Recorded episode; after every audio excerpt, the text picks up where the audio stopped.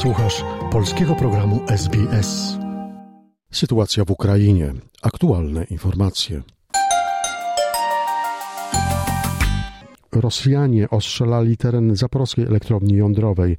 Nie doszło do uszkodzenia reaktora. To kolejny tego typu rosyjski atak na obiekt. E, ukraińskie Ministerstwo Spraw Zagranicznych domaga się, żeby na teren elektrowni przybyła międzynarodowa komisja. Szef ukraińskiej dyplomacji Dmytro Kuleba zaapelował do Międzynarodowej Agencji Energii Atomowej i ONZ o przysłanie misji obserwacyjnej.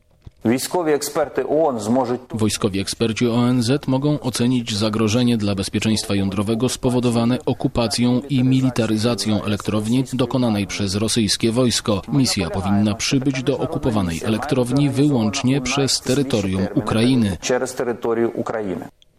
Tymczasem Międzynarodowa Agencja Energii Atomowej ocenia, że nie ma bezpośredniego zagrożenia dla bezpieczeństwa jądrowego w wyniku ostrzału elektrowni atomowej w Zaporożu. Organizacja chce wysłać grupę ekspertów na teren elektrowni w celu przeprowadzenia inspekcji. O sytuacji w zaporowskiej elektrowni atomowej rozmawiali członkowie Rady Bezpieczeństwa ONZ. W trakcie spotkania szef agencji Rafael Grossi podkreślił, że sytuacja w elektrowni jest poważna i zaapelował o zaprzestanie walk w pobliżu zakładu. Any military action jeopardizing nuclear safety must stop. Wszelkie działania wojskowe zagrażające bezpieczeństwu jądrowemu muszą zostać natychmiast przerwane. Działania militarne w pobliżu tak dużego obiektu jądrowego mogą mieć bardzo poważne konsekwencje. Wyrażam ogromne zaniepokojenie niezwykle stresującymi i trudnymi warunkami, z jakimi boryka się ukraińska obsługa. 26 krajów zadeklarowało przekazanie ponad 1,5 miliarda dolarów na zwiększenie zdolności wojskowych Ukrainy w walce z wojskami Federacji Rosyjskiej.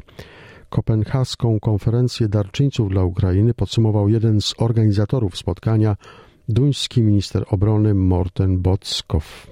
All the participating nation here uh, pledged for support for training activities. Wszystkie kraje uczestniczące w konferencji zobowiązały się do wsparcia szkoleń militarnych dla Ukrainy. Niektóre wsparły konkretnymi darowiznami. Półtora miliarda dolarów zostało rzuconych na stół. To pieniądze, które zostaną wykorzystane w bieżącym i przyszłym roku.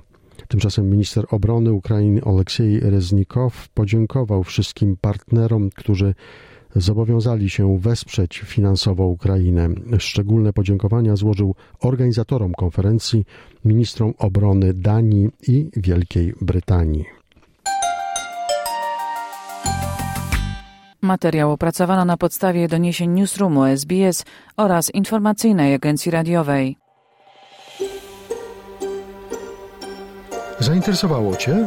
Chcesz usłyszeć więcej? Słuchaj nas na podcastach dostępnych w Apple Podcast, Google Podcast czy Spotify lub w jakimkolwiek innym, który używasz.